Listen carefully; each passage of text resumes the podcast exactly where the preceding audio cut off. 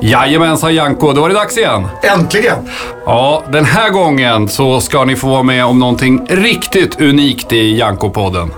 Ja, det, alltså, jag har aldrig varit så förväntansfull inför ett avsnitt som det här. Jag riktigt skakar av förväntan. Ja, ni som inte kan se det, Janko sitter och småstudsar här på stolen. För idag ska vi vara med om någonting unikt. Vi ska förrätta provningar här i Janko-podden och vi ska berätta om ett alldeles, alldeles unikt öl, vilket ska bli fantastiskt kul. Var börjar vi? Alltså, det, jag får ibland frågan så här, vilket är världens godaste öl eller mest spännande öl eller sådär. Och då, det är alltid liksom, kryper i kroppen när man ska svara på det. Mhm. Så att jag brukar dra till med någonting som är unikt, så typ Orval eller då brukar jag säga lite ljummet sådär. Jag gillar traditionell lager och bitter och, och klassiska belgiska öltyper. Men jag kan säga vad som är världens coolaste öl, utan tvekan. Och det är den fragmentariskt bevarade men fullt levande traditionen av hundraårigt öl som finns kvar i Sverige. Eh, en eh, uråldrig öltyp med rötter i Västeuropa, Belgien, Nederländerna, eh, England och som på olika krokiga vägar har tagit sig till Sverige och som fortfarande bryggs, så vitt jag vet, bara av en familj. Men det ska vår gäst få berätta mer om. Mm. Spännande och vi säger varmt välkommen till Peter Hultén. Tack så mycket. Vi är så glada att du har valt att vara med oss i Janko-podden och någonting som vi har stått på vår, vår bucket list sen, sen vi startade. Så varmt välkommen igen. Tack så mycket. Det är jätteroligt att vara här. Verkligen. Berätta lite grann eh, vem du är. Ja, Peter Hultén heter jag. Och det är ju så att det här ölet, eller traditionen som vi ska prata om, det är ju någonting som har hamnat i min släkt. Vi kommer väl prata mer om det lite senare. Och eh, jag från början var inte en, någon så att säga ölkonnässör eller visste så mycket om öl mer än att jag tyckte att det var gott att dricka. Eh, sen när det här då visade sig lite senare att det här fanns inom min släkt, då blev jag ju mer intresserad. Och förhoppningsvis också kommer att vara fortsatt intresserad i framtiden. Ja, det bestämmer du själv. Ja. Jo, men, ja, men det, det kräver ju lite tid. Ja. Det, det är ju inte så att det här är någonting så att, som man kan hålla på med bara lite då och då. Nej, Utan det krävs att man faktiskt eh, gör det när det ska göras. Just det. Men du jobbar med helt andra saker. Jag jobbar med helt annat. Jag är apotekare i grunden. Jaha. Eh, jobbar på giftinformationscentralen med förgiftningar. Ja, ja. Det är bra om man blir huggormsbiten. Ja, precis. Utmärkt. Ja, om vi ska som gå tillbaks lite i historien då. Vi brukar skoja ibland, eh, jag och Peter, att jag har en tendens att gilla gammalt brunt öl. Det finns ju en belgisk öltyp som heter Old Grey, men jag gillar ju Märzen och andra bruna maltiga öltyper också. Det här är väl det äldsta och brunaste ölet man kan prata om egentligen, så det är mumma för mig då. I början på 1600-talet så började en mer systematisk inflyttning av valloner till Sverige. Och valloner är då personer från framförallt dagens Belgien, men en del hade också rötter i grannländerna. Med någon sorts uppsamlingscentral det här. Så förmed, arbetsförmedlingen till Sverige var oftast i Liège, som ligger strax öster om Bryssel. Och eh, det som efterfrågades i Sverige det var kunskap när det gäller järnframställning och smide. Och eh, bruksindustrin då skulle få sig ett uppsving genom det här. Det var Gustav II Adolfs tid, eller? Ja, Karl IX. Karl nionde, Ja, mm, till och med. Det började redan då. Ja, precis. Så 1609 tror jag de äldsta beläggen eh, finns. Det är ju en familj de Beche som eh, där de första namngivna bryggarna finns. Det är två bröder som hette Wilhelm och Jakob. Jakob. Mm, precis. Eh, jag läste någonstans när jag preppade inför det här avsnittet att till och med kungen efterfrågade det fransöska öl Ja. som de här vallonerna. Det franska bryggare som de kallades också då. Just det. Ja. Och det var ju i Nyköping, som alla vet, jag kommer från Nyköping och det vill jag bara nämna här att det var ju på Nyköpings hus, eller hur? Karl IX på den tiden. Ja, det var Nyköping. Ja, Jajamän. absolut. Bara, det är bara en liten, eh, en liten passus, men dock så viktig. Det är också viktigt. Sen de äldsta, liksom, därutöver beläggen för bryggning, liksom, regionalt sett så att säga, det är i Östgötabergslagen, framförallt Finspång, där det finns olika liksom, källor från mitten på 1600-talet. Eller redan från slutet på 1500-talet egentligen. Och sen spreds det här, så vitt man vet, från 1620-talet till Uppland och bruken där. Och eh, det är kanske ännu mer intressant för det vi ska prata om för att när man läser om den metoden som det, de ölen gjorde, så framförallt det här hundraåriga ölet, så påminner det väldigt mycket om vad jag känner till om ert öl. Eh, så. Mm. Det ska väl sägas också att, att det är ganska spännande eftersom källäget är förhållandevis tunt får man ju säga ändå. Det finns en, en uh, känd klassisk svensk ölbok som heter Ölets historia i Sverige som kom i slutet på 60-talet av Harald Tunéus. Och han sammanfattar på ganska få sidor koncentrerat rätt så mycket om uh, den här vallonska bryggartraditionen. Och uh, han nämner då en del öltyper och, och varianter som på den tiden eh, var kända. Jag menar vi som är uppvuxna med Michael Jacksons journalistik och hans ölböcker. Vi tänker ju när det handlar om gammalt brunt öl i Belgien på egentligen de två besläktade traditionerna i Oudenarde och Roselare.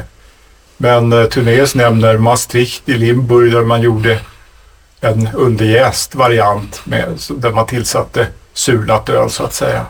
Och eh, i Namur, ett öl som heter Köjt som byggdes fram till 1870 ungefär. Men som sagt, det, det var förmodligen vid den här tiden då när vallonerna kom till Sverige eh, ganska spritt i Västeuropa. Det finns ju fortfarande lite fragmentariskt bevarat i, i England också.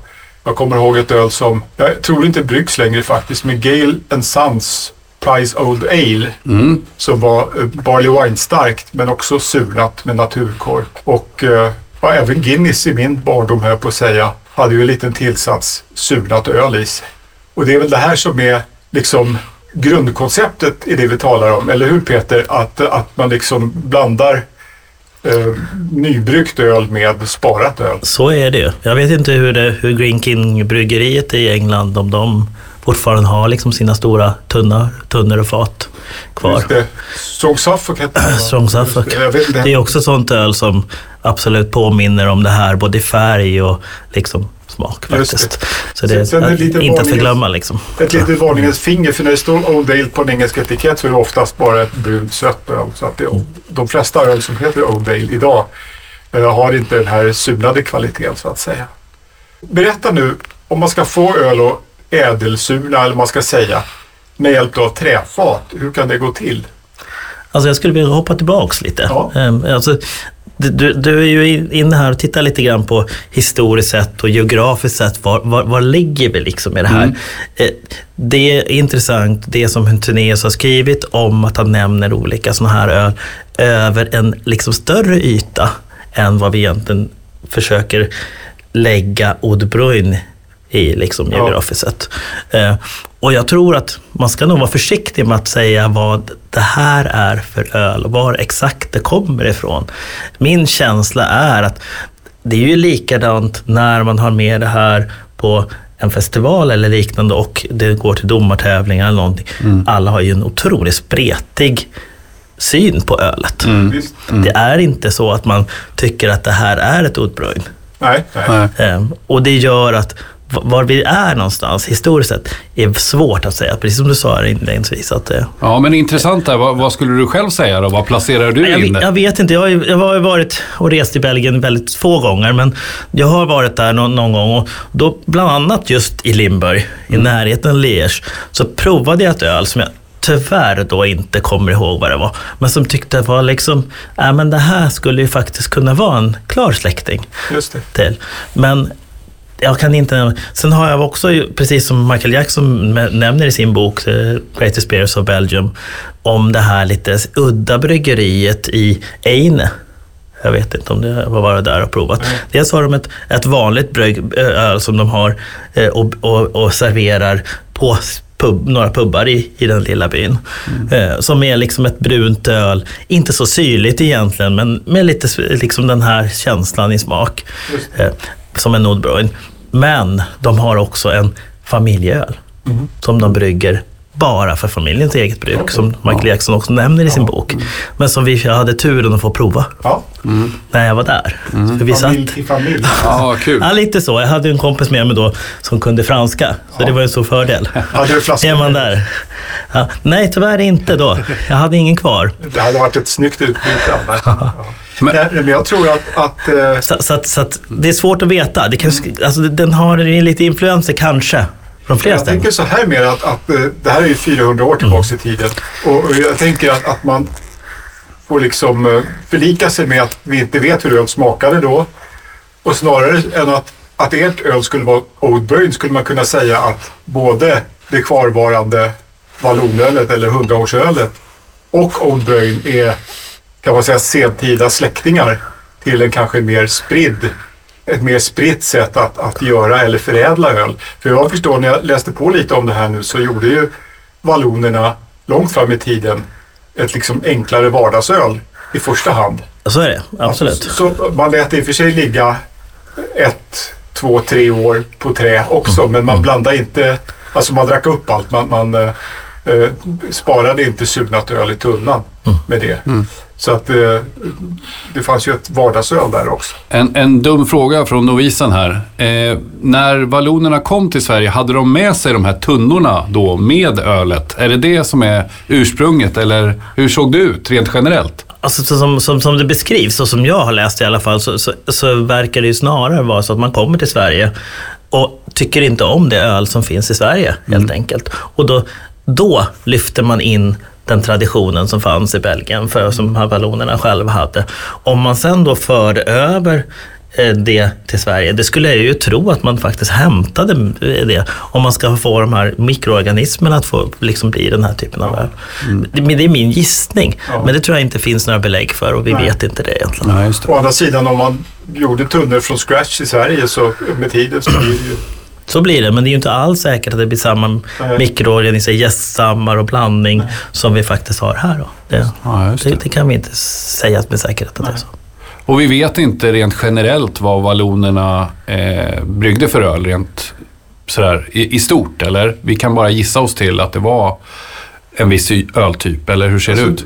Gissningsvis så var det ju då en, ett, ett brunt överjäst öl, egentligen precis som svenskölet med den skillnaden att man då sparade ölet. Alltså det svenskölet dracks ju direkt efter primären egentligen, Mm. alltså efter huvudjäsningen. Mm. Och eh, ansågs då, åtminstone av vallonerna, vara liksom lägre kvalitet. Men i och med att det lagrades på träfat, även det vanliga vallon- vallonölet under ganska lång tid, så fick det ju den här lite syrliga tonen och en liksom renare, ädlare och mer komplex karaktär. Ja, man ska ju veta att det, ju inte, var ju inte lika rent och liksom filtrerat och liksom synmässigt att, att man skulle kunna se igenom det på den tiden. Det var ju säkert mycket bös och annat som också fanns i det här.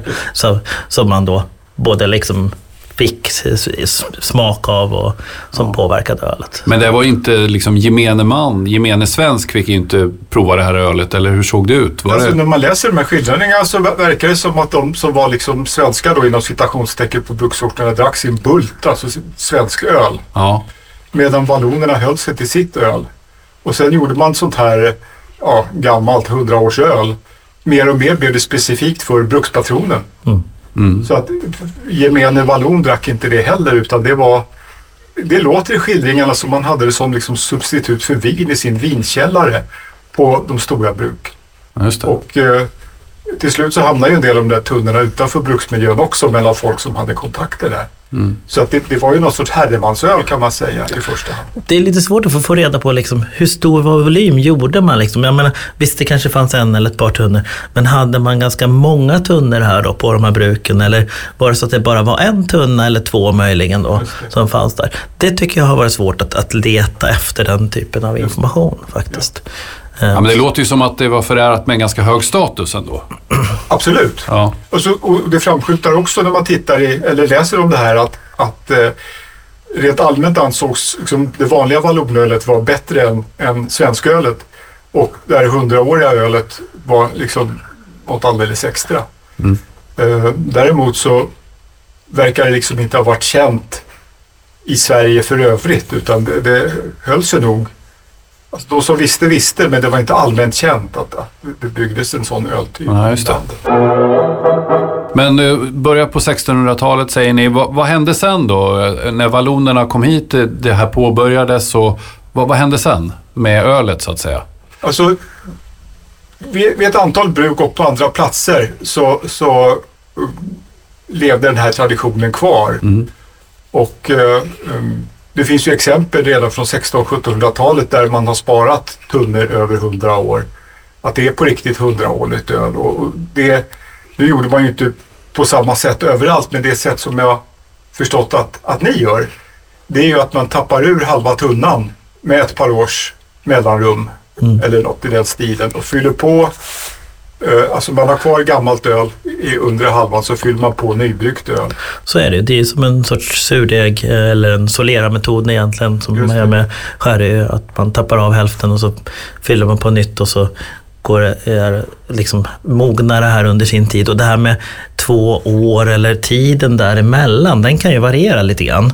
Eh, i- vårt fall så har vi haft två år långt tillbaka i traditionen.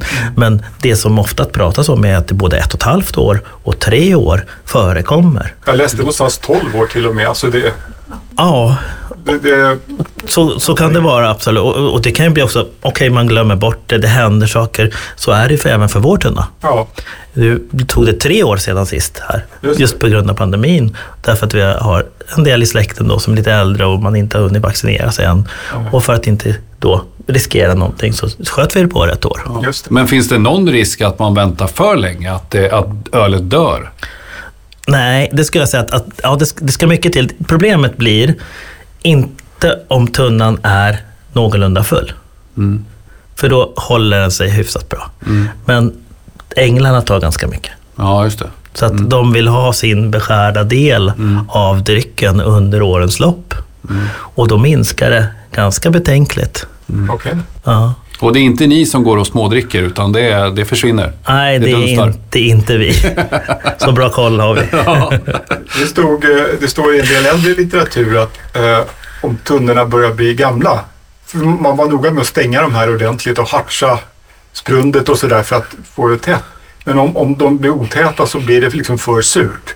Det som bildas är ju acetobakter. Alla som har provat till exempel då belgisk Old Bröin vet ju att det är lite speciellt med den här liksom ättikstonen.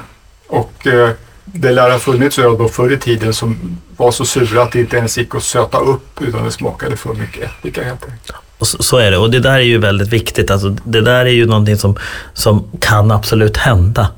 Även liksom i det här fallet att man har hyfsat bra kontroll. Det kan komma in någonting och krypa in någonting. Det är klart att om man är, har ett, det, här, det här är ju en familjetradition så det bryggs ju som en hembryggarstil och tradition. det. är ju en sak om du är kommersiellt och har en helt annan typ av möjligheter att hålla rent och, och så. Eh, Sen ska vi prata om att det skulle inte vara rent Nej. i det här Nej, fallet. Alltså, är infekterat fast rent. Ja, ja. Så, att, så att det är ju en tradition av att man också faktiskt ofta jäste liksom det här i öppna jäskar. Ja. Eh, Så att det är ju det är en sätt att, okej de här mikroorganismerna och jästsvamparna, de fanns i luften runt omkring på den platsen man hade sin kölna som man hade där man jäser. jäser. Hur, hur stor är tunnan? Den är en, ett bourbonfat Okej. och det är ungefär 200 liter då. Mm. Så att det, och, och det är ju, har ju säkert varierat under årens lopp. Den tidigare tunnan, vi kan ju prata mer om det sen, men den tidigare tunnan var mindre. Ja. 152 liter. Okej. Men eh, Janko sa ju här inledningsvis att ni är en av eh, få och kanske den enda som fortsätter det här. Det måste ju ha funnits tunnor på många håll tidigare. Vad hände med de tunnorna då? Ja, det är en bra fråga. Ja. Som alltså, Ja. det, det finns ju lite, några sådana här liksom, historier kring det här, vad, vad, vad som finns. Ehm, när vi, det är ju så här att den, den här, för att inte säga så mycket just om vår tunna än så länge, men, men i samband med att vi, vi tog, tog ta- tag i det här och skulle försöka bevara den här traditionen, så fanns det ett antal sådana tunnor på Sofierius bryggeri här. Och det var alltså, då ska, pratar vi alltså slutet 90-talet. Mm. Okej. Mm. Ja. Som fanns på plats enligt min, mina farbröder som var där och såg det här. Okej. Vad som har hänt med dem, huruvida de finns kvar eller inte? Det kan inte jag svara på, för jag var inte med då. Spännande. Ja. Och det skulle jag vilja liksom ta reda på faktiskt och Ja, kolla. Finns de kvar? Bara står de i ett hörn eller är de helt borta nu? Ja, eller finns det någon familj som sköter om dem? Ja, finns det någon som, familj som inte alls har gett sig till känna? Vi har ju annonserat i Vallonättlingen och i olika tidskrifter och framförallt öltidskrifter då kring att finns det fler i den här? Och det, det, vi har ju fått två napp, Okej. skulle jag säga. Men då har, vi, då har vi ju en möjlighet här, för vi når ju ut till otroligt många ölintresserade människor. Så att vi får, ni får gärna höra av er. Absolut. om det är så att ni sitter på en, på en tunna någonstans med... Ja, eller om ni känner till att det finns Ja, hundraårigt öl exakt. utöver Ja, det här gäddeska fatet då som du representerar. och det där är ju också frågan då, var kommer namnet ifrån? Varför blev det just 100-årigt öl eller gammalt öl egentligen också? Eh, Det kanske inte alla de här kallas för, men, men, men det, det är det man i alla fall pratat om. Och när blev det det? När började man prata om 100-årigt öl? Var det liksom då redan på 1600-talet eller kom det snarare då under 1800-talet? Här? Just det.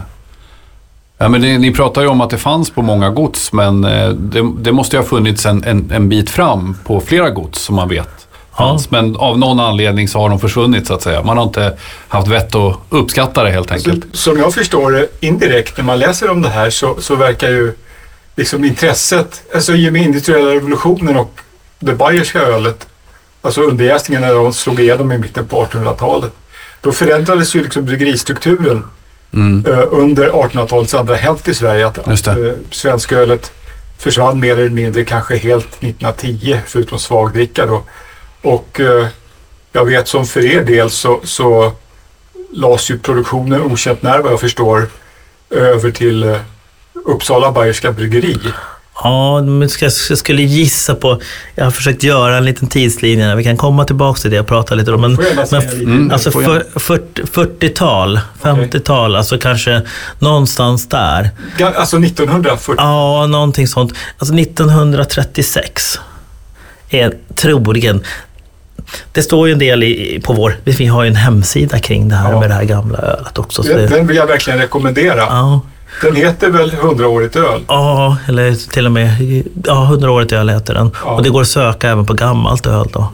Så att man hittar den. Den är, den är eh, exemplariskt uppbyggd och eh, innehåller långa citat från litteraturen och hänvisningar plus aktuella liksom, det är som bloggposter vad ni håller på med, i alla fall då när ni bygger eller ställer ut. Och så. Jo, men så, så är det. Och sen ser det lite så att, att i den finns ett antal då historiska nedteckningar, vad som har sagts historiskt inom familjen, inom släkten. Och det här kan man tolka lite olika. Olika personer inom min släkt har då haft liksom olika minnesbilder. Ja. Och vad som sen då totalt sett är sant är det. lite svårt att veta. Den verkar ha varit 1936 som det byggdes hemma för sista gången. Nej, 1936 var en väldigt varm sommar i Uppsala. Och då sprang troligen den en gammal tunna läck. Eh, det är den tunnan och fatet som sen kom att bli liksom det som vi tog över och verkligen började restaurera. För det hände saker senare här som vi kommer komma in på. Ja. Eh, Det eh, var en tunna som sannolikt är från 1921 eller 27. Det beror lite på hur man tolkar den inskription som är. Jag har den gamla tunnan kvar. Ja. Så att den, men, men 21 är vad man skriver. Då. Eh, Jag tror att det kan vara 27 också. Ja. Eh, Men den, den, den eh, gången så sprang det läck hemma hos min då farfar och farmor som hade den här tunnan i sitt hus i Kåbo, i källaren i Uppsala. Då. Mm. Så det är en stadsdel i Uppsala. Mm. Och vad hände sen då? Du kan ju gärna fortsätta. Ja, ja men, och då, då var det ju så att, att då blev det ju lite panik. Mm. Det var ju liksom allting där höll ju på att rinna ut och Ja. det här var ju den enda tunnan, för vi hade bara en tunna då. Ja. Vad jag vet och Mm. vad vi vet.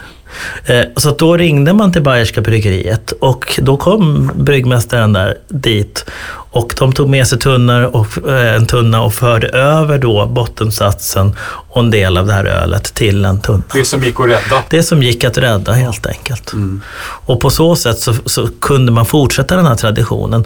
Och Jag, jag, som jag uppfattade så fanns den här då kvar i huset där och, och sköttes då av min farmor. Eh, med, vad blir det? Det blir inte min farmor, det blir min farmors mor menar jag. Alltså, Så att min farmors mor och eh, som egentligen skötte den här då Okej. på den tiden. Då. Eh, så att då fanns den kvar och eh, hon tog hjälp av en tant Kristin som kom ner från Kilafors där tunnan tidigare hade varit. Då. Och det här var ju så att det här var ett kvinnogöra. Det var inte männen som gjorde det här. Utan det var kvinnorna och då liksom de som jobbade i ett hushåll som faktiskt tog hand om, bryggde ölet, Just. och skötte ölet. Då. Men det var förmodligen inte bara kvinnorna som fick dricka av det. Nej, så var det. Ja. Absolut. Ja, intressant. Ja, verkligen.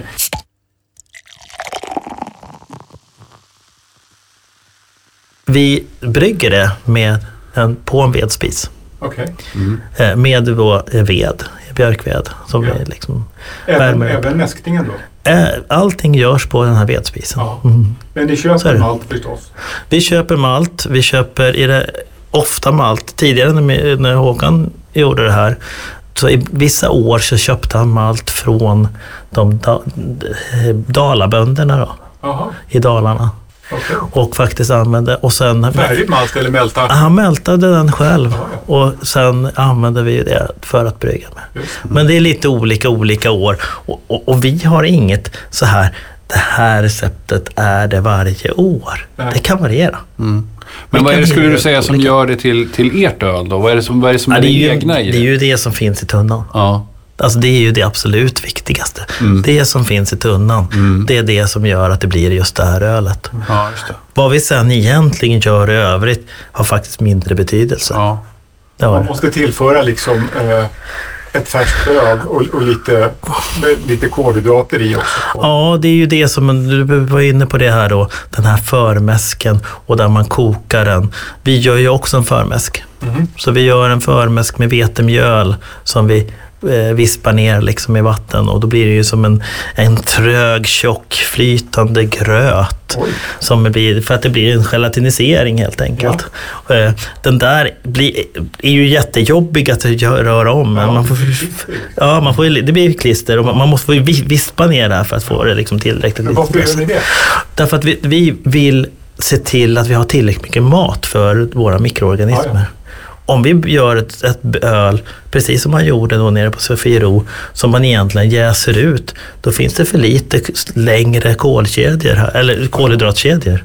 Alltså stärkelse och dextriner som det heter. använder egentligen vetemjöl som råfrukt? Ja, Fast det är ett sädesslag också. men vi har ju dessutom då, för att få lösa upp den där gelatiniseringen, så sätter man ju till lite malt. Ja, Och då, då, då löser det här upp sig och blir liksom en klar vätska. Okej. Så när man väl sätter till malten och sen är- får det där då vara i, i 63 grader och mäska in ungefär en halvtimme kanske. Ja. Det beror lite- på. Vi, vi, vi, vi, vi är ju lite gammaldags. Och Håkan var liksom traditionell på det sättet. Så vi använder ju jodsprit. jaha, Och det tror jag nästan vi är ensamma om. Okej. Och överhuvudtaget göra när det gäller hembryggning. Ja. Jag vet inte om det är några andra hembryggare som gör det. Det är så för att kolla när det är konverterat? Ja, för att se på färgomslaget då. det. Hur mycket har gått över från stärkelse till socker här helt Det enkelt. var ju standard eh, i Tjeckien på 90-talet fortfarande. På Precis. Men jag vet inte om det görs i Sverige på något sätt. Det är väl, nej, de gångerna jag pratar med folk så det är nästan ingen som förstår Nej. vad det är egentligen. Nej. Men själva, eh, liksom den är påför varmt vatten, är det som en infusion sen? Ja, precis. Men det här är ju liksom en förmäsk. Ja. Så det här börjar vi med. Så det är ju ungefär 2,3 kilo, för vi brygger ju ungefär 110 liter någonstans där omkring. Eh, 2,3 kilo eh, vetemjöl och 2,3 kilo malt då. Ja. Och ofta wienermalt, ibland pilsnermalt där då som en förmäsk. Ja. Eh, men wienermalten ger ju ett litet, dels lite liksom in, inslag av färg framför allt Ja. som man kan få. Mm, för att få den här lite och, och malt. Och lite aromatiskt, mer aromatiskt. Så att, så att det där är, har vi inte, har vi inte wienermalt i förmäsken så har, vi det förstås också då i den stora. Ja, visst. Så att, eh, Gör ni det här i själva mäskkärlet, förmäsken? ja, det här gör vi då oftast i liksom en liten kastrull kanske som Ja, sidan om. Som under tiden då kan vi börja också göra då en större. Men den kokar vi sen. Precis Ja. som du beskrev här. Okej. Den kokas i 100 grader. Och det gör den ga- ganska ordentligt då. Ja, ja. Mm, I en halvtimme någonting sånt. Jösses. Mm. Det var spännande. Ja, man kan inte se höjda ögonbryn i podden eftersom ni lyssnar, men jag kan se höjda ögonbryn på Janko här när han får höra om det här. Det är häftigt. Ja, de som är duktiga på att brygga och sådär, de kanske tycker det här är självklart att man kan göra så, men jag har aldrig hört talas om den metoden. Nej. Och, och- det blir liksom som en sidodel brygd som vi vill liksom att där, här, här gör vi lite extra mat. Ja, För den delen, när vi sen har gjort det, vi har dödat våra enzymer som sen normalt sett bryter ner de här långa kedjorna med stärkelse och, och kolhydrater. Då. Det, det kan inte hända någonting med den när vi har kokat det och, och dödat våra enzymer. just Och då behåller vi den Ja. vid sidan om. Sen gör vi vår huvudbryggning Just det. med ungefär då 18-19 kilo malt. Och det är ju en del att göra för hand, att mala det där och, och förbereda det. Ja, ni krossar malten. För vi krossar malten själva, alltid hel malt då. Vi försöker att undvika att använda krossad eh, malt från Just det. början. Den blir ju gammal med tiden. Och som du säger så kan receptet variera, men att du har ju nämnt wienermalt, så ni har gärna någon lite liksom... Ja, wienermalt är det vi använder. Ja. Sen behöver man egentligen normalt sett inte ha någonting annat. Nej, Då räcker det. okej. Och, och, och den huvudmäsken genomgår då en infusion man lägger på vatten så att... Ja, så att den, så att den, och där kan det bero lite grann på om man tycker att man skulle vilja göra då en stegmäskning här med lite eh, syra, med, liksom raster eller om, men, men ofta så brukar vi inte, någon, en, någon, någon sådan då proteinrast gör vi liksom. Okej, Eh, och ibland så, eh, men den, den är oftast ganska kort. Just det. Och sen så, Så du lägger på lite, inom citationstecken, svalare vatten för att få upp det till 55 grader. Ja, precis. Men Man får ju räkna på det där. Hur, Ja. Vilken volym har jag på... Det går ju att räkna på. Vilken volym har jag? Vad är den för temperatur av, av malt? Just. Vilken volym vatten? Hur mycket te- temperatur? Den Så termodynamiska. att mixen får rätt. Ja, så att man åtminstone när kommer nära. Sen är ju då, är det då inte så lätt att göra och hålla, hålla den där temperaturen. Därför att man gör det på en vedspis. Just det. Just det. Och, och, och det är ju också det här att vi gör det ju inte, det går ju inte att ha vilket kärl som helst för att göra 110 liter hemma. Nej, nej. Utan vi har ett sånt här gammalt byggkar som man hade förr i tiden. Ni vet som står på fyra hjul. Ja, ja, ja. man, och den är då eh, förstärkt i botten. Jaha. Så det är en, gjort? extra påsvetsad bottenplatta. Ja, Jaha. vi har väl låtit göra, göra det. Mm. Så att jag har en sån nu då som vi fungerar som vårt bryggkärl helt Ja, ja. enkelt. Och sen har jag ett gammalt sånt där brygg, eller bykärl som står på fyra hjul. Som ska bli vårt liksom extra kar om nu det händer någonting med det här bryggkärlet. Just det. Det, det, Men du, jag blir nyfiken. Vad händer sen med den här förmäsken? Alltså, när åker den in eller vad? Ja, den kommer ju in sen. För det, det, den kan ju inte få komma in om det finns en massa aktiva enzymer kvar. Nej, så du, den, den har ni vid sidan som ex, extra extrakt? Ja, den, Ja. Den, den, den, den kommer in när man gjort sin slutmäsk, när man mäskat ut vid Ja. 78 grader. Och man har tagit Enzymerna är inte aktiva? Nej, för, för att om vi då har den tidigare, Ja. då kommer våra aktiva enzymer helt enkelt spjälka våra långa Så kolhydratkedjor. ni har kokat en kolhydratlag? Ja, det. Mhm. Aha. det är mat. Mat till våra Precis. kära mikroorganismer i tunnan. Sen silas mäsken av Mm. och sen bryggs det. Alltså kokas. Ja, så det kokas det här då med humle. Ja. Och där kan det variera lite grann. Vilken sort? Det spelar faktiskt inte jättestor roll. Det som spelar roll är att den är gammal. ja. Du var ju inne på det. Det ska inte finnas någon beska här. Så den kan vara tio år gammal, det gör inte så mycket. Eller vi använder trädgårdshumle. Okej. Eh, vi- Många år har vi använt trädgårdshumle som Håkan själv har har, eh, liksom odlat i trädgården. Ja. Och den delen behöver inte vara så stor heller. Nej. Så att där ligger det på ett, kanske ett IBU då, bitterheten på 10-15, Just det. någonting sånt. Och det är väldigt milt då? För, Ja, det är väldigt milt. Mm. Sensoriskt Mm. bra. Hur länge kokar ni bort den? Sen kan den kokas, traditionellt sett så brukade man koka den här fyra timmar. Ja. Vilket Nu är ryser ganska lång tid. Nu ryser jag igen. Ja, det är ganska lång tid. Va? Ja, det är Eller hur? Lång tid. Det Ja. är lång tid. Ja, alltså, Vad jag fattar i alla fall. Alltså med mer än 60 eller i alla fall 90 minuter är, är liksom Ja. excess. Det enda jag har hört talas om, men det är också vedeldade bryggverk i, i Bayern och i Belgien. Eh, där man kör Coop på den här tiden. Mm. Och, och nu, lite beroende på tid, tidsaspekter, annat, kan det vara så att man går neråt en två timmar. Men, Ja. men, men aldrig under två timmar ska jag säga. Då. Det, det. Får jag fråga bara om det där vedeldade eh, bryggverket. Vad, vad, tillför det så att säga? Är det känslan, liksom allt det här? Eller vad Ja, är- tillför det någonting? Det är känslan. Ja. Och så det, det blir också vårt jäskar. Alltså, Ah, okej. Så det är ju så att det blir, får en öppen jäsning kan man säga. Inte helt öppen på det sättet att det får vara öppet och falla ner vad som helst i den. Men den jäses faktiskt, alltså brygden jäser även i själv samma Ja, så ni tappar inte om? Vi tappar av det då för att ha det tillfälligt då i dunkar för att på så sätt kunna sen hälla på det här och sätta till och pitcha vår gäst. Ja. Eller pitcha liksom. Ja. Mm. Spännande. Så det görs i samma kärl. Ja. Ja, okej. Hur, hur mycket vätska förlorar ni under det här långa Coop? Alltså det blir ganska mycket vätska och det får man ju liksom sätta till. Ja. Men vi brukar ligga, senast här låg vi på ett utbyte på 90 procent. Ja. Vilket är ju högt, ska Ja. jag säga. Mm.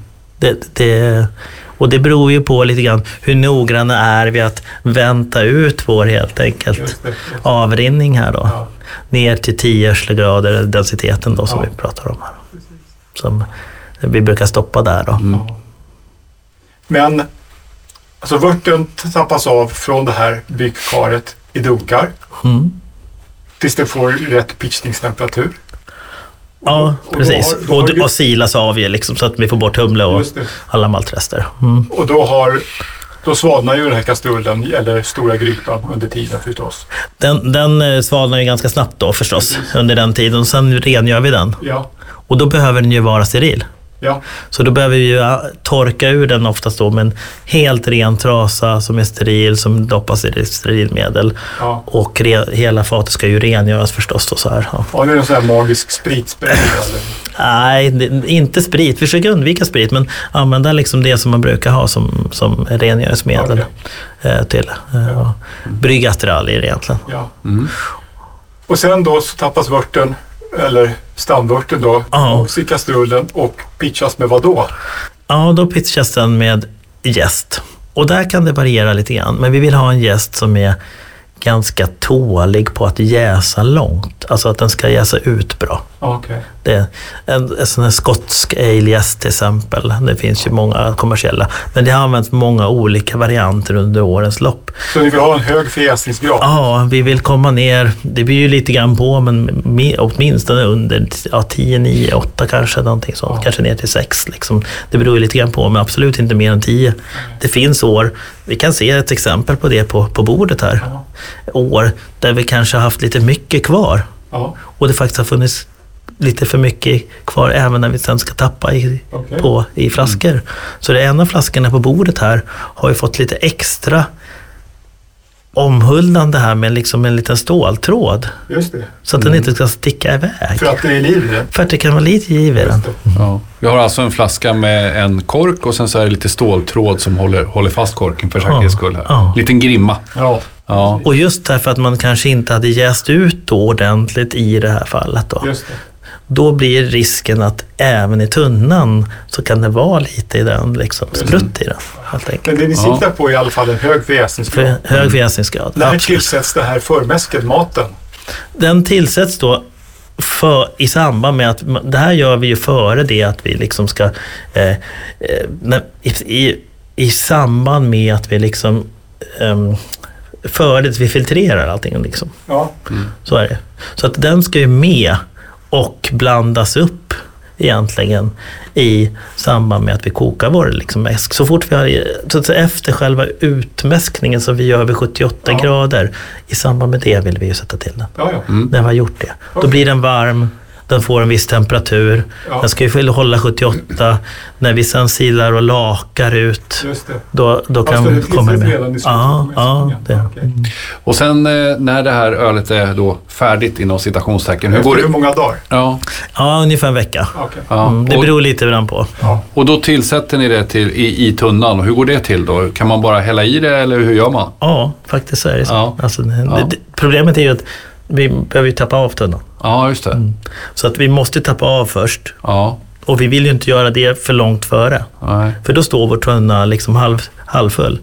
Och det vill vi undvika så mycket som möjligt. Ja, just Vi det. vill ha den så full som möjligt. Det ska inte gå för många dagar däremellan. Nej, utan då försöker vi göra det i samband med... Då är det bättre att när vi har bryggt färdigt vår liksom, nybryggda påfyllnadsöl som vi kallar Mm. det. Liksom, det ölet kan ju stå på dunkar. Det är helt okej. Mm. Det ska svalna liksom till en normal, till en 20 grader. Det, det gör, får vi också genom att vi kör genom en värmeväxlare så att, så att det snabbt kommer Det ner i temperatur. temperaturen Ja, ja. Ja. Hur smakar det här påfyllnadsölet då? Är det, är det något märkvärdigt eller är det liksom ett vanligt öl? Eller Nej, det är ett ganska vanligt öl Ja. med ganska lite beska. Då. Ja. Eh, Så att det, jag har inte med en sån flaska Nej, idag, nej. men jag har några sådana ibland Ja, som okej. jag Men tappar upp. enklare brun ale liksom. Ja, det kan man väl kalla det. Liksom. Men det är ju inte egentligen en brun ale heller egentligen. Men ja, men visst, visst, visst gäller det. Ja, Ja. absolut. Mm. Men lite, lite, lite svagare, ska jag säga. det är liksom så, så är Vad ligger den på alkoholhalt? Alltså, I det fallet, om den har jäst ut, så, så brukar vi säga att, att vi- det ligger ju runt 6 procent egentligen. Sen är det ju så att.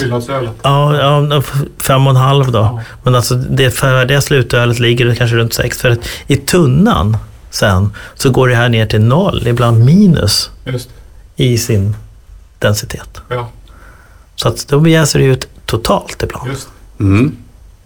Härligt att det. höra. Nu är det dags att prova. Ja, det tycker jag också. Men det var jättespännande att höra och jag, jag kan ju inte lika mycket som Janko, men jag förstår att det är ett ganska unikt sätt som, som det görs på. Ja, det kan man väl sammanfatta. Och eh, vi är så tacksamma att ni gör det. Ja. Vi har två öl från 2010 och dels är det ett från då, den gamla tunnan. Ja. Här. Och det är ett från nya tunnan samma år. Jaha. Ja. Ni körde parallellt. Ja, så då, det, är, det är liksom det året vi egentligen hade parallellt. Sen slutade vi med den gamla tunnan. Ja. Så det är ju intressant att jämföra dem, tänkte jag. Ja, ja. Ska vi börja Absolut. eller? det kan vi Och du får gärna öppna, du som är rutinerad. Ja, vi ska se. Det är härligt när det klingar i glasen. Då vet man att det är, det är något trevligt på gång. Precis. Precis. Och då kan vi väl börja med den gamla kanske. Ja, det Ja. tycker jag. Mm. Eh, och sen, Vi har ju fyra glas var framför oss så vi kan ju prova ölet mot varann parallellt. vi ska se om vi får upp den här. Ja. Den är ju, Men Janko, under tiden Peter öppnar här, vad, vad är det vi kan förvänta oss här nu då? Eller vad, du som har lite koll på det här. Så mina tidigare erfarenheter av, av det här ölet och jag har provat en rad årgångar och de är ändå, de skiljer sig ju från varandra. Men grunden är, eller det som är mest ögonfallande eller i tungofallande, det är ju att eh, ölet, kanske utom det här med grimma på, då saknar kolsyra. Mm. Och det känns ju väldigt ovant. Det måste man liksom förlika sig med. Mm. Eh, Så att det är helt stilla. Mm. Och för övrigt är det då, eh, även om vi kanske ska undvika att dra för mycket paralleller så, så är det som en, en, en ganska liksom, till kroppen lätt och ganska mild Old Brain. Det är Mm. det som det påminner mest om. Mm. Alltså det är inte så jätteskarp ättikskaraktär. Men det är liksom inte så kroppigt heller. Även fast alkoholhalten inte är jättelåg så, så är det en ganska lätt dryck på det sättet. Mm. Som jag uppfattar. Nej, men alltså, du har ju helt rätt i det här med att stilla. Ja, Det, det, det är ju en, jag skulle säga att det är en del av, av öl, den här typen av öltyp, om man nu kan kalla det för en öltyp egentligen. Eh, och det är ju någonting som är väldigt okänt. Just det. Mm. När vi lämnar in det till domartävlingar ofta så, är, Ja. så blir det oftast en anmärkning på att det är stilla. Ja. Men det ska vara stilla. Ja. Så, och, och där, där finns det... youngsters bland domarna, de, de ja, där får man väl säga att det finns en kunskapslucka, skulle jag Men säga. grejen är att om, om du tävlar i någon sorts eh, brunklass Ja. så har ju folk sina prototyper. Så egentligen skulle ni tävla mot er själva bara och vinna guld varje gång. Ja. Får jag Serverar du, Peter? Du- Peter- nummer två från. Peter, Peter, du kan väl här Det- servera? Ja, ja.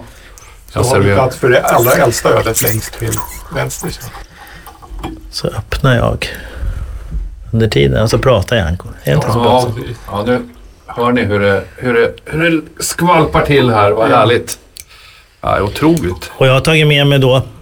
Det, det, normalt sett så tappas det här ju på, på som sagt, bourgogneflaskor med sluttande hals, 775 centiliters flaskor. Ja. Men jag har tagit med mig då, för ibland så är det så att vi tappar på några mindre flaskor, Just det. halver. halver. Och för att det helt enkelt är så att det, det är ganska stor volym med 75 då. Ja. Om man ska beskriva hur det ser ut då så är Ja. ganska alltså me mellanbrunt med rödaktig ton. Det är inte på något sätt jättemörkt, men det är mörkare än bärnstensfärgat. Mm. Och eh, det, är, det här var ju den flaskan med eventuellt lite tryck i, så det är en liten, liten eh, fradgig yta på ungefär en tredjedel av, av eh, toppen. Då. Sen så är ölet inte helt blankt utan ganska disigt. Inte grumligt, men det är lite disigt helt enkelt. Och det här är alltså det från den gamla tunnan. När började den användas? Ja, det, det, den gamla tunnan den är ju alltså då från 1936 gissar jag på. Ja, Så det är det då den sprack, sprang läck Just i det. Uppsala. den varma sommaren. Ja. Så då skulle jag tro det. Det vi häller upp i det här andra glaset, så, som ni hör också, det är då samma år, men i den nya tunnan som vi nu har då. Just det. Och det är intressant då att de skiljer sig åt i utseendet, märkligt nog. Mm. Det är i stort sett samma färg, men jag upplever det lite ljusare från den nya tunnan. Mm. Det kan vara så. Det, det är ju intressant att veta för att det här är då, eh, den nya tunnan är ju ett, egentligen inte helt nytt fat. Nej, Utan det är ju ett begagnat fat. Det har legat bourbon på det här fatet. just det. Eh, och där man har ansett att det har varit så pass sannolikt stor alkoholhalt kvar i det som har dödat alla mikroorganismer. Och på så sätt minska risken för att vi ska inte hända, alltså kunna utveckla rätt karaktär. Steriliser, bourbonsterilisering. Mm, det är bourbon Det tycker jag steriliserat. vi provar. Ja, vilken börjar vi med då? Ja, vi luktar väl på båda först. Mm. Mm. Ja, väldigt komplex doft. Det är ju Mhm. en eh, märklig rikedom i doften. Ja, verkligen. Ja. Alltså förutom sy- syran är inte så påtaglig i doften utan det finns liksom någon sorts eh, nästan fruktaktig ton i bakgrunden men inte som ett konventionellt överjäst öl utan mer som lite torkad frukt. ja, Hur brukar du prova här då, Janko? Börjar du med äldsta, eh, gamla eller nya? Jag vet inte, jag luktar på båda. Ja. Får vi se vad jag... den andra kändes ju lite mer i doften i alla fall, lite mer, lite mer syrlig. Och, Ja, den andra Eller hur? mycket mer som en Bröjn. ja. Eh, plus lite bourbon faktiskt. Mm. Så ja där har du ju. Ver, verkligen som en bourbon. vanilj Ja. Bröjn. Mm. Exakt. Nej, nu måste vi prova. Ska vi prova det nya tunnan först eller? Ja. Kan vi göra. Då gör vi det.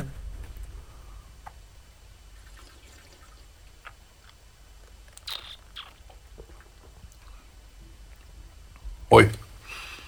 Ganska kraftig men inte överdriven syra ändå. Jag tycker den här bourbonaromen följer med i smaken också.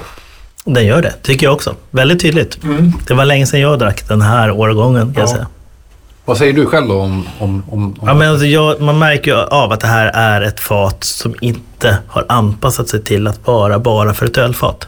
Mm. Det, det, det, det märks tydligt. Så när, mer som du som- säger, vaniljtonen finns ju där, helt Det är klart. som ett effektöl att man får bourbon-effekten. Man får bou- bourbon-effekten också här. Så att man ska, Många älskar ju det. Lite Eh, whisky sour-känsla. Ja.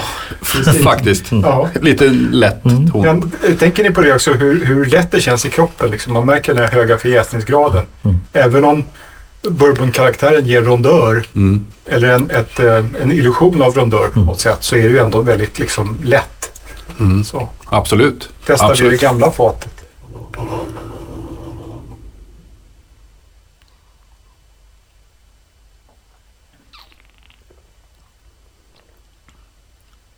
Ja, det har ju förstås inte alls den här eh, den bourbonaromen. Nej. Men det är mycket mer komplext får man ju säga i, i sin fruktighet och Mm.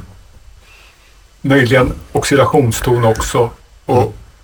på något, av någon anledning så kommer inte syran fram eller är lika kraftig. Jag tror, jag tror att det blev, var ju så att vi diskuterade ju det här att varför vi ska by- byta fat. Ja, Det, Mm. det, det börjar ju liksom, det ju, har ju gamla spännband på sig som man har satt i flera omgångar. Och det börjar liksom, det finns ju vax eh, lagningar och Ja. man har ju liksom haft eh, då sprund, förutom sprundhålet, liksom avtappningshål både på botten och på sidan egentligen som är tätade med kork. Eh, och, och det finns säkert en viss otäthet i det här som påverkar själva utförandet ganska mycket. När, när du jämför de här eh, som liksom bryggare och tekniskt kunnig så här, vad, vad, vad tänker du liksom? Vilka är dina känslor inför de här? Om det är nollställd från att vad det ska smaka eller om det är så att, som det ska smaka? Nej, som du förväntar dig att ett hundraårigt öl ska smaka. Ja, jag, jag, jag tycker ju det här, två, det gamla då från 2010, från den gamla tunnan, det är lite för platt, lite för, liksom nästan lite, det ska, saknar sin syra framförallt. Ja. Alltså verkligen saknar, och mycket syra skulle jag säga. Det, det är ganska Ja, men jag kan hålla att med dig om. Jag tyckte att, alltså, det håller jag med om, att det var lite, lite så. Medan det som är från den nya tunnan, där kan vi verkligen känna det finns en klar syra. Mm. Om det är precis lagom mycket kan ju säkert vara lite individuellt vad man tycker. Visst, men men, jag kan nog tycka att den är, den, ja, den är ganska behaglig syra. Ja, det är ju precis. Det är ju inte salubrin utan det är mer åt det här. Det är det. Ja, Jag vacklar lite. Jag håller med om att eh, ölet från den äldre tunnan är... ehm, genom att syran saknas där så, så är det, ger det ett mindre pikt intryck eller man ska säga. Samtidigt så tycker jag att den har en större komplexitet också. För från nya tunnan så är det liksom syra och bourbon Mm. som Ja, tydligt Ja, men- dominerar. det är två accenter. Medan ölet i den gamla tunnan är, innehåller massor med skumma komponenter som är liksom svåra att sätta fingret Ja. på vad det är. Och men det är en gammal fin, gammal fin violin liksom. Mm. Finstämd och man kanske, det kanske kräver, kräver sin man. Ja, Men då ska Eller man kvinna. veta att just den här då, nya tunnan, den, den är ju sån att det är första, första tappningen Just på den nya tunnan. Just det. Så vad som hinner hända där, det ska vi ju prova ett annat glas här då. Ja. Därför att vi har då den senaste tappningens. då Ja. ta Vilket är, jag, kan, jag kan öppna den Ja. här under ni- tiden. Som, Den där. den, jag tänker det kan ju vara, för jag tyckte- tänkte att det var intressant att jämföra. Ja, verkligen. Vad hän, har hänt där då på 21 år? Det blev ju ett udda år här då på den här Ja, etiketten. Ja. Eller från, eh, från, på 11 år menar jag. Mm. Ja. På, men men eh, det, det är alltså 2021 års tappning. Just det, Mm. Så jag har. pandemi. Ja. Ja, jag gissar, jag kan läsa mellan raderna vad, att, att du är ganska nöjd med vad som har hänt på de här tio åren. Ja, det får vi väl se. Ja, och det är en sak att du är nöjd, men om Janko är nöjd, då det är det viktigaste. Nej, det var ju jättekul det här ju. Ja. Det var ju fantastiskt roligt. Verkligen. Det är ju... Eh, för om man inte hör till eh, er familj så är det här någonting som man liksom har fått chansen att prova Ja. blopp. ja. Eh, ja, några gånger med många års mellanrum. Häll det i fjärde glas.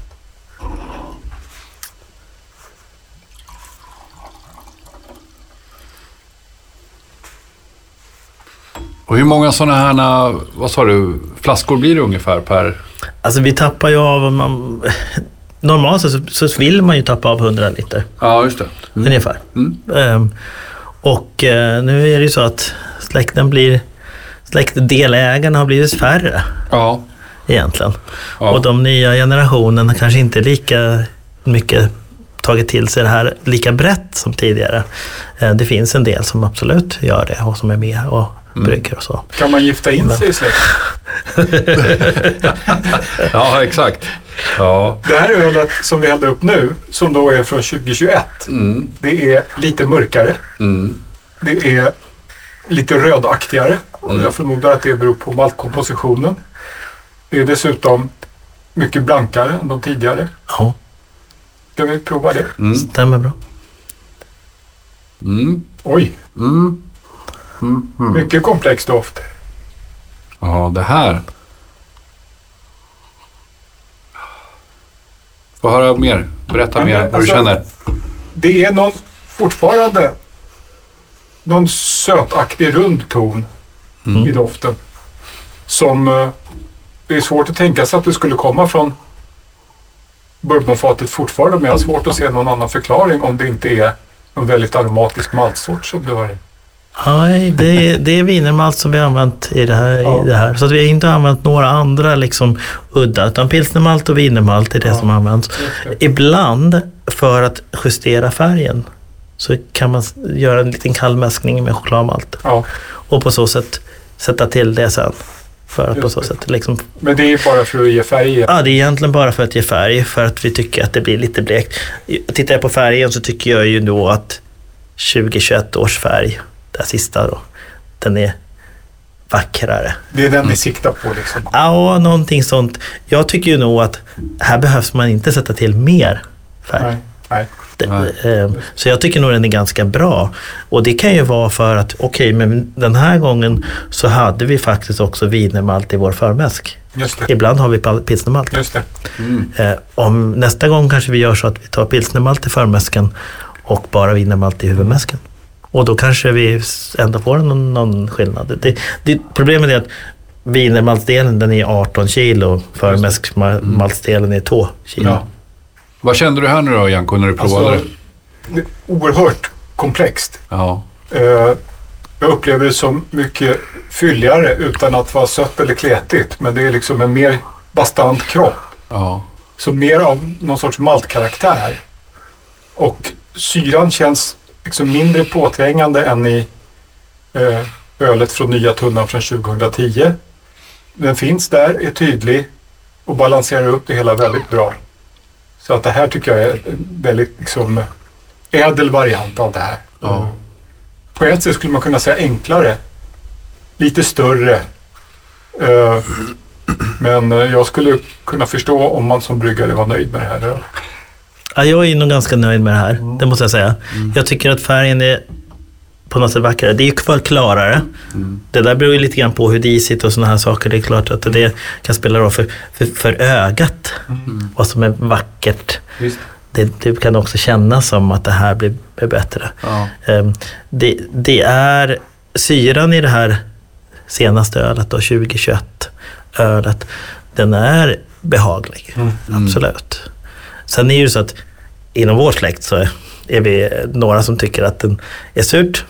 Några som vill ha en jättekraftig syra. Ja, Kanske till och med mer än det här. Det. För att det absolut, så- att, och mer än den 2010 som du tyckte var kanske lite mera påträngande. Eh, Man kan, kan inte säga om det var för att syran var högre eller för att kroppen var mer ja. Men vad, vad, skulle, vad skulle hända om vi provade det här ölet om tio år då? Eller vad vad händer, händer det någonting med... med Ja, det kommer det göra. Ja, ja. Absolut. Jag tror att om, det- om det, även om det ligger på flaska, Ja. så kommer det hända saker med Ja. det. Det tror jag. Det tror jag nog vi kan vara... Det lever liksom. Ja, och, och jag tror nog att det inte ska ligga för länge. Vi har haft flaskor, jag vet min pappa hade, då hade man på sådana här gamla gröna saftflaskor med skruvkork. Ja, Eh, st- lite större modellen. Eh, och då hade, hade han någon från 60-talet. Mm. Och, och det är ju liksom... Att de var, antingen var det då den tappningen som var väldigt syrlig, men, men jag tror inte det ska ligga för länge heller egentligen. Vi kan ju se här också på att 2010 års från den gamla tunnan här, det, det är no, någonting man kan använda och göra en blend, Mm. Skulle ja jag du säga. tänker så. Ja, jag gillade ju den också. Ja, men, men Jag är så entusiastisk Eh, för liksom. alla de här sakerna. så, så, ur mina ögon sett så, att säga, så skulle jag nog den blanda med en annan för att se, för här har man ganska mycket variationer. Just. Hur, hur många år på flaska tycker du, med din erfarenhet, är idealiskt? Ja, det är svårt att veta då när man byter fat. Det, det och, och i och med att normalt sett är det här sak, någonting vi dricker i släkten vid dop, bröllop och begravningar. Mm. Det är då man gör det. Och det är då man kan få en lite extra tilldelning av ett eventuellt lager om man har ett dop eller bröllop eller begravning i familjen. Då. Så att släkten vill de ha några flaskor extra just då i samband med det så brukar jag ha några extra på lager. Men det här 2010 som vi provade, hur, hur många flaskor har, har ni kvar av det? Sådär långt efteråt. Ja, 2010, vad- vad- vilken sa du att jag har en förteckning på, på dem där men Ja. inte i huvudet. Men, Nej, men men säg att det finns en 15 flaskor kvar, någonting sånt. Stora flaskor då. Ja, just det. Tänkte vi skulle prova det här från gamla tunnan från 2006 också. Jag är Ja. lite imponerad av hur ni buteljerar, liksom, får i korkarna och sen drar på det här. Ja. Alltså, det Krympfilmen ja. Krymphettan. Hur, kan du, hur ska du beskriva det där då, Janko, för lyssnnerna? Och Själva hur man Alltså, har det ser ut som liksom, vinflarror som man köper på bolaget med en sån där strumpa över Mm. korken som inte ser liksom hemgjord ut utan den sitter tajt och fint. Mm. Ja, jag förstår. Nej, snyggt gjort. Ja, verkligen. Ja. Hur gör man det då? Ja, berätta. Ja, Kanske lyssnarna vill veta. ja hur gör man det? Hur gör man det det? går ju att köpa sådana där då. Ja. Och, och sen så kokar man upp vatten, Mm. sätter på de här och så gör man en snabb vändning. Alltså det är efter man har korkat den då. Mm. Så att det, då, då sluter det åt. Ja. Fäster ordentligt snyggt. Okej. Mhm. Det som kan vara problemet är att den glider iväg lite grann. Och speciellt om man då har en kork som sticker upp lite. Just det. Då blir det inte lika snyggt. Nej. Tack. Så det som Peter Hultén häller upp här det är den, det äldsta ölet som vi har med idag från 2006 och då naturligtvis den gamla tunnan. Det är Oj. ännu grubbigare. Jag tror att det här egentligen ska vara från Lilla Tunnan. Men vi, ja, jag tror faktiskt. Men vi testar. Ja, Vi testar. Du känner igen det, vad det är. Det är i alla fall mycket mörkare. Alltså, Det är väldigt grumligt. Men man ska veta att, att det är alltså väldigt tidigt då när man hade en, en avläggare. ja. Så i början av en avläggare skulle jag tro att det här ölet... är- För det satt en etikett på den här så att jag tror att det är... det.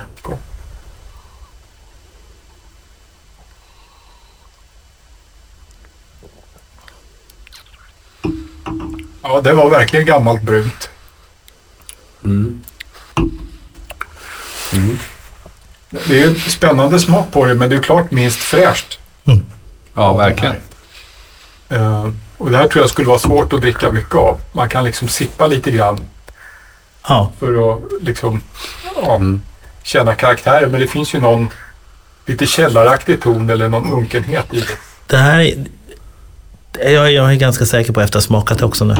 Att det här är den lilla tunnan, det vill säga en avläggaren. Det är precis början när det gjordes en avläggare. Ja. Eh, Där inte liksom, man har fört över då en, en, en viss bottensats till det här och Ja. så, så man liksom försöka få igång det. Det var gjort på en ny tunna. Just det. Det är också en skillnad här då, som är väldigt viktig att ha med. Det är inte gjort på ett gammalt bourbonfat som fanns, utan mer på en nyare tunna som, Ja. som då ger sitt intryck, sitt liksom ek-karaktär Just det. kring det här också. Och där kan vi säga också att syran är mycket, mycket lägre än på de här Ja. ölen. Och det är också för att det då i början inte har hunnit riktigt bli, bli Gucka till sig gucka till sig ordentligt. Mm. Så det skulle jag nog absolut tro att det är. Ja. Nej, men om det är liksom spritter i det här från 2021 så är ju den här mer liksom långvården. Långvården, ja. Ja, alltså Precis. så. Och det behöver ju inte vara fel det. Så det, är ju, finns, det finns ju en, liksom, en intressant eh, skillnad här tycker jag. Det är häftigt. Verkligen. Väldigt häftigt.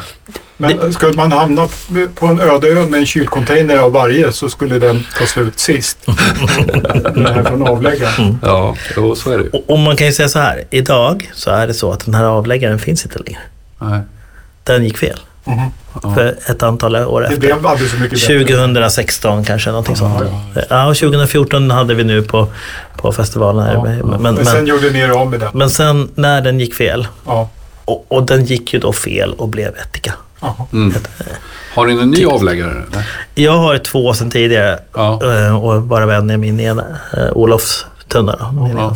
Och min egen. Ja. Och de står också då uppe i Hälsingland.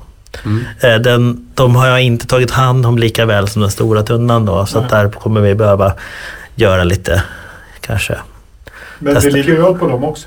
Det ligger öl, på den ena tunnan lite för lite öl just i nuläget, så Ja. där måste vi göra en extra bryggning. Få åka upp lite oftare tycker jag. Ja. Ja.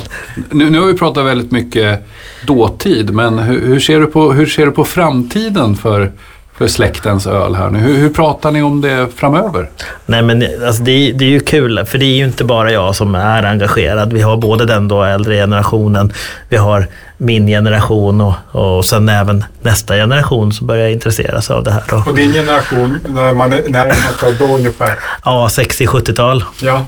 Eh. Vår, vår generation. Precis. Och sen så är det så att den, den nya generationen som kommer sen då. Så det, och det är kul att se. Men har du några adepter där som... Ja, det är ju så att, att det, de, Håkans dotter Anna, Ja. hon eh, och hennes man Magnus, de har ju framförallt eh, hand om hemsidan också. ja. Magnus är den som sköter det framförallt då. Men också Anna. Eh, och sen deras eh, son Leo som också då har intresserat sig för det här. Vilket årtionde är han född? Ja, nu ska vi se. Som är mellan 20 och 30 Ja, nu. på 90-talet. Mm. Någonstans där. Ja. Så att det... Jag har Det är varit liksom lite lite kul. och hyfsat äta mina glas för vi har ju faktiskt ett, ett kommersiellt öl också här. Mm. Som vi ska prova. Ja, berätta om, om, om det ölet då Peter. För det känns också rätt häftigt. Alltså vi, vi, vi pratade ju om Roselar Ja, tidigare här. Och det här är ju från då Rodenbach, bryggeriet. och- Liksom. Och, och nu senast när vi hade med vårt öl i domartävling på Belgofesten här så fick jag ju tillbaka domarprotokollen och man saknade då någon form av typdefinition som man alltid gör Ja. varje år. Och vi vet inte riktigt vad vi ska trycka in vårt öl därför att det passar inte någonstans egentligen. Och det enda jag kan säga som ett kommersiellt öl som man skulle kunna hänvisa till det är det här Ja, egentligen. Som ibland då ges ut. Och det är då på, i, i Rodenbach finns det, vad är det 294 sådana här stora fodertunnor. Mm. Hög, tunnor, alltså ölfat stående på, på högkant Mm. då istället. Vår är ju liggande liksom. Mm. Och de här eh, tappas ibland av och det här är foder nummer 132. Och då har man tappat av det här, tappat det på exakt en sån här liten eh, bourgogneflaska med sluttande hals, men en liten variant då. Mm. Och satt en vinkork på den. ja, Utan då att behöva förstärka den med något sätt. Det finns liksom, det är ett stilla öl. ja. spännande. Be- Berätta lite mer vad det heter och sådär. För, Det heter Vin de Cereal Ja, och är från 2004. Jag var i Belgien och hittade sju flaskor i någon av de här turistshopbutikerna mitt i Bryssel. Ja. Låg bara i en korg. Dessertal betyder ju spannmålsvin. Ja, ja, så är det. ja. Från Rodenbach. Ja, från Rodenbach.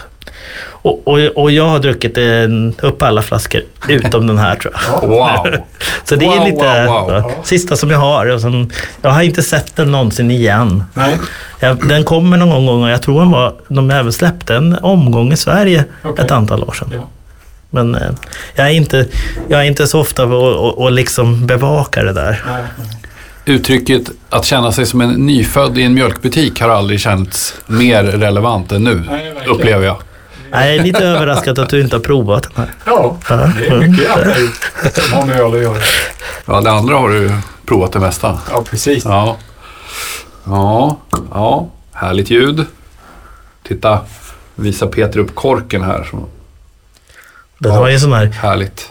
krymphätta Härligt. också som är i guld, men som man inte har satt fast ordentligt. Flaskan är klädd i papper kan jag säga också. Tack. Ja, vackert. Vackert. Det är ju väldigt likt ert öl kan man säga. Tack. kan ni ju jämföra med färgerna på. Jag har ju alla mina glas och har jag lite kvar. Hur skulle du beskriva, Janko, då? Det här som vi dricker nu? Eller vi tittar på. Alltså till skillnad från det hundraåriga ölet så är det ju faktiskt lite bubbligt på ytan. Även om det här då ska vara ett stilla öl. Färgen tycker jag är snarlik. Lite mer åt det rödaktiga hållet. Liknar väl kanske nya tunnan 2021 mest. Så vitt jag kan se då. Mm. Och eh, förhållandevis blankt. Ja, Lite ljusare. ja lite, Ja. Lite, lite, lite disigare. Jag tycker det. Det är kanske det. Ja. Lite, en aning. Sen är doften också väldigt komplex. Kanske inte lika frisk som Nej, det hundraåriga ölet. absolut. I alla fall om man jämför med de eh, från nya tunnan så tycker jag att de var friskare i doften. Mm. Nu smakar vi.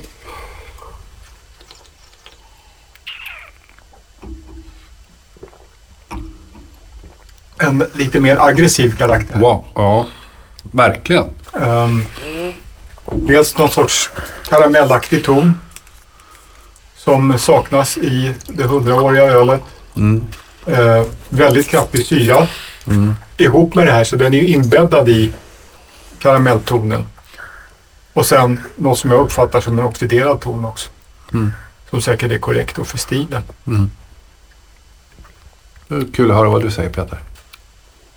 Ja, alltså den är ju betydligt mer oxiderad tycker jag också. Ja. Ja. Alltså, om man jämför med alla de här andra som vi har provat så Ja. känner man det direkt. Det är nästan det första som slår en. ja. Att det, Den har lite, ja den är lite skarpare. Mm. Det är den helt klart. Nästan så dör man så här, harklar sig lite för att den blir så skarp. verkligen som en jäkla käftsmäll liksom, Ja. direkt när man tar den på ett annat sätt än de andra. Och så, Sen går tillbaks till, eh, jag har provat direkt efteråt då, 2021. Mm. 100-åriga ölet. Som jag upplevde var fylligare än de andra. Mm. Så är det här mycket, mycket lättare. Ja. Alltså, och det ser jag som positivt då, att Mm. det, det har en mycket krispigare kropp. alltså en karamellaktighet. Vi pratade ju lite här i- redan innan vi började spela in Mm. om det här med Grand Cru. Mm. Frågan om Grand Cru. Och min känsla var för ett antal år sedan tillbaka så, så hände det någonting med den där Grand Cru. Mm. Så man började sätta till lite socker eller någonting. Ja. Och då blev, förstörde man den Mm. helt. Ja. Och det var. För mig är det, nu provar jag inte Rodenbachs produkter liksom en gång i månaden eller så, men det är ändå ett av, eller har varit ett av mina favoritöl. Men alltså, jag var mer entusiastisk på 80 och 90-talet än senare kan man säga. Vad beror det på då? Alltså, nu vet jag ju att bryggeriet är köpt av ett större företag och, och att, att man liksom brygger på ett ställe och jäser på ett ställe. Och det, det är ju förändrat liksom. Det är ju... Man brukar anse att det är lite mer mainstream, att man har anpassat det. Jag menar tidigare Mm. Grand Cru-flaskor var ju bara eh, alltså 100% öl från de här stående Mm. ekfaten. Och sen så hade man den vanliga Rodebachen som var i vissa proportioner och som har glömt en blandning av det och eh, påfyllnadsöl kan man säga. Mm. Det jag blir lite orolig för när man provar det här ölet då, det är ju att man har på något sätt sötat upp även i tunnorna. Just Alltså i faten. För det, det, var ju, det var ju mer likt eh, ditt öl tidigare. Att det var så lättare i kroppen. Grand Cru ja, som, som Ja. man för. Mm. Precis. Helt precis så är det. Och, och, och ser man det här den ska ju komma direkt från fatet Mm. utan att man ska ha gjort någonting annat egentligen som jag har förstått det. Det. Eh, Men det, det kan inte stämma. Antingen så har man då gjort någonting annat i faten mot vad man gjorde förr i tiden. Eller så har man faktiskt tagit till någonting. Ja, Eller bryggt det med någon form av karamellmalt eller någonting sånt som ger ett lite sötare intryck. Liksom, som, som skulle nu, nu är möjligen det kunna... säkert inte så, men, som, liksom, det tror vi inte, men- gissa som lekman, då skulle man tro att det här var liksom färdigjäst, pasteuriserat och sen har man tillsatt kaddisocker. Precis. Ni giganter får fortsätta diskutera här. Vi ska börja avrunda lite grann. Men, och det var otroligt, otroligt kul att du kom förbi Peter. Och är det någonting som, som du vill fråga nu Janko innan vi rundar av för den här gången? Ja, egentligen inte. Jag tyckte att det, det ehm, för mig var det väldigt mycket nytt idag. Alltså mycket av det som hände fram till 60-talet kan man ju läsa sig till. Men det här med Sofiero, även om jag kanske hört det förr när jag pratat med jag, jag hade liksom, och nu mm, har jag liksom hela tidslinjen klar för mig och det är ju liksom, eh, jag är glad att du var så öppen med ölets liksom eh, mm, motgångar och medgångar och, sådär. Och man förstår ju vad viktig Håkan har varit för rekonstruktionen av, Ja, så är det av det här. Han har en... Det är egentligen på ett sätt i, i familjens minne. Förutom då eh, farmors mor eller vad det var i Uppsala så är ju liksom Håkans tradition som ni vårdar idag på något sätt. mm. Så, nej. Ja, men, eh, så, så, så är det. Vi vet ju lite grann var tunnan har flyttat runt lite grann på flera ställen också här under tiden. Men, men, men de här platserna har varit viktiga. Vi vet att den här liksom delen med Sofiero där det blev en chock att komma och hämta det här det. i stort sett Mm. ölet som kanske totalt sett var förstört helt Just enkelt och som sen inte finns. Ja. Som sen då Håkan, precis som du är inne på här, han har ju en metodisk liksom del i att verkligen anteckna allting, titta på vilka temperaturer här har under tiden som han försöker liksom återskapa det. Ja. Vi får skicka en tanke till, till Håkan och till alla de som kom före honom att vi får sitta här idag och dricka av det här. Det här var otroligt. Ja. Stort tack. Spring till, eh, ta reda på nästa Belgoträff i Uppsala om eh, eh, vallonerna är där. Det gädderska ölet är Ja. representerat där. Om det är det så ska ni skynda er dit helt enkelt. Ja, det är ju inte alla år vi är där. Nej. Uh, ungefär varannat år, men ibland något extra. Det är som jag ungefär. Ja. Ja, Ja. bra. Tack ska ni ha. Tack Peter. Tack. Tack Janko. Tack Peter och tack Peter.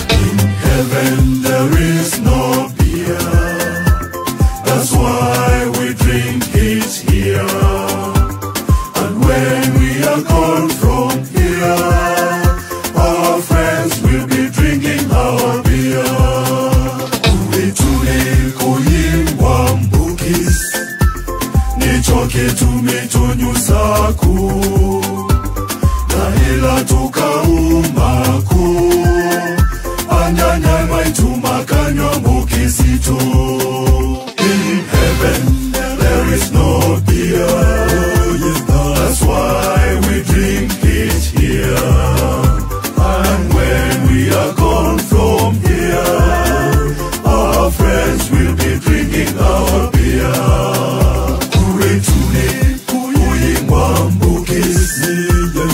talking to me to new saku. Na ila t